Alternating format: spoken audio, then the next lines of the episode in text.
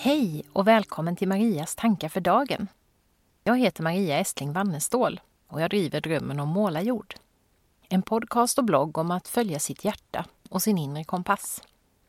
Marias tankar för dagen är mina bloggreflektioner i ljudform. En inredare i min bekantskapskrets berättade på Instagram att en vanlig fråga hon får från kunder som hon hjälper att skapa en mysigare hemmiljö är vad är trendigt just nu? Hennes svar brukar vara ungefär att det viktiga är att hitta det som gör dig glad att mötas av i ditt hem. Om det är beige väggar eller blommiga tapeter som är inne just nu spelar ju mindre roll. Omge dig med sånt som du tycker är vackert och som ger en härlig känsla i magen. Då blir det rätt. Det här inlägget gjorde mig mest glad och lite ledsen. Glad över inredarens svar. Hon pratar ju om den inre kompassen. Och lite ledsen över att det här är en vanlig fråga att så många verkar bry sig mer om vad som är trendigt. Alltså om normer, förväntningar och andras tyckande, än om vad de själva gillar att omges av i det där hemmet som de flesta av oss ändå tillbringar ganska stor del av våra liv i, inte minst i dessa tider. Själv har jag nyss inrett ett alldeles eget skriv och yogarum i vårt hus, sedan tonårssonen flyttade ut. Och där har jag fått gå all in och verkligen känna efter hur jag vill ha det. Inte en enda ny pryl och definitivt inga inredningstrender så långt ögat når. Det där Instagram-inlägget påminde mig om hur många sammanhang det finns i våra liv där vi har nytta av att träna oss på att följa vår inre kompass. Det är kanske lätt att tänka att det framförallt handlar om de stora vägskälen och livsavgörande besluten. I en artikel i Allers som jag blev intervjuad för här sistens är det just sånt som jobb och relationer man framförallt fokuserar på. Men det finns ju också en massa andra områden där vi tar beslut om olika saker. Inte minst de där små vägskälen i vår vardag. Ska jag gå på fest i helgen? Okej, nu pratar jag om icke-coronatider. Eller ha en hel lugn hemmahelg i mysbyxor? Behöver jag verkligen det här klädesplagget som jag blev så sugen på att köpa? Ska jag gå den där kursen som jag egentligen inte har tid eller råd med, men som skulle vara så kul? Ska jag ta ett pass på yogamattan, åka och träna, gå en promenad? Eller är det jag behöver bäst just ikväll att ligga i soffan framför en film? Och vilka tapeter ska jag välja nu då? I mitt arbete med boken om anhörigskap har jag valt att ha med ett stycke om den inre kompassen. Dels skriver jag om hur jag ser en skillnad mellan mitt eget välmående i anhörigskapet när min mamma var demenssjuk och nu i anhörigskapet till min son.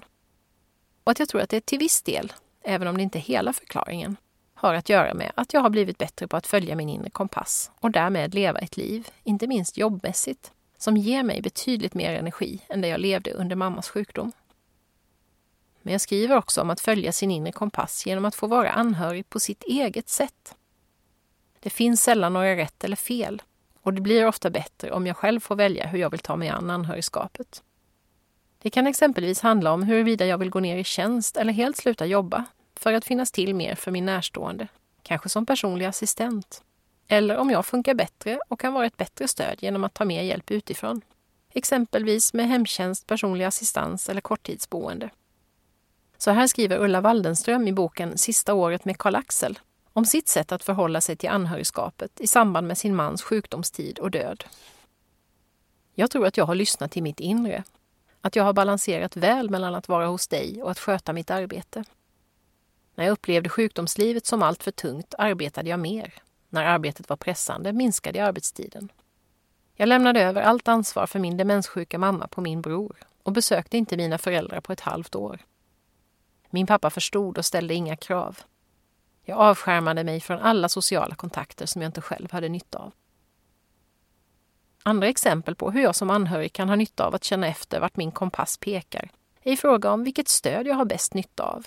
En individuell terapeut, en anhöriggrupp eller kanske bara vänner med lyssnande öron och varma famnar. Och om jag hämtar mycket energi av att engagera mig i en anhörigfråga på min fritid eller om det bästa jag kan göra med min tid är att vila. Att förutsättningarna att välja sen kan se väldigt olika ut för oss människor, såväl från person till person som i olika faser.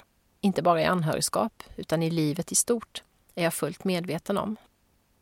Ibland kan faktiskt en situation med tydliga ramar som tillåter väldigt lite valfrihet och för en utomstående kanske kan upplevas som klaustrofobisk, skapa ett lugn som också ger en känsla av frihet. Den i att slippa välja, som jag en gång bloggade om efter ett samtal med en kvinna som är anhörig till en svårt sjuk man. Den tanken bekräftades i min senaste poddintervju med Anna Pella som har fått ompröva sin syn på livskvalitet och inre kompasser sedan hennes dotter Agnes föddes med en svår hjärnskada för snart 18 år sedan och hennes möjligheter att välja begränsades på många sätt. Hennes kompass har istället kommit att rikta in sig på vad som är möjligt och framförallt vad som är viktigt, på riktigt. Så oavsett hur våra förutsättningar ser ut tänker jag att svaret på frågan när behövs min inre kompass är alltid. Jag tror helt enkelt att jag mår bättre, kommer mer till min rätt och i större utsträckning orkar vara en god kraft i världen om jag lite oftare vågar lyssna på den där inre rösten. I allt ifrån tapetval till anhörigskap. Har mina tankar väckt någon fundering hos dig? Finns det några områden i ditt liv, i stort eller smått, där du skulle vilja utforska vartåt din inre kompass pekar? Just nu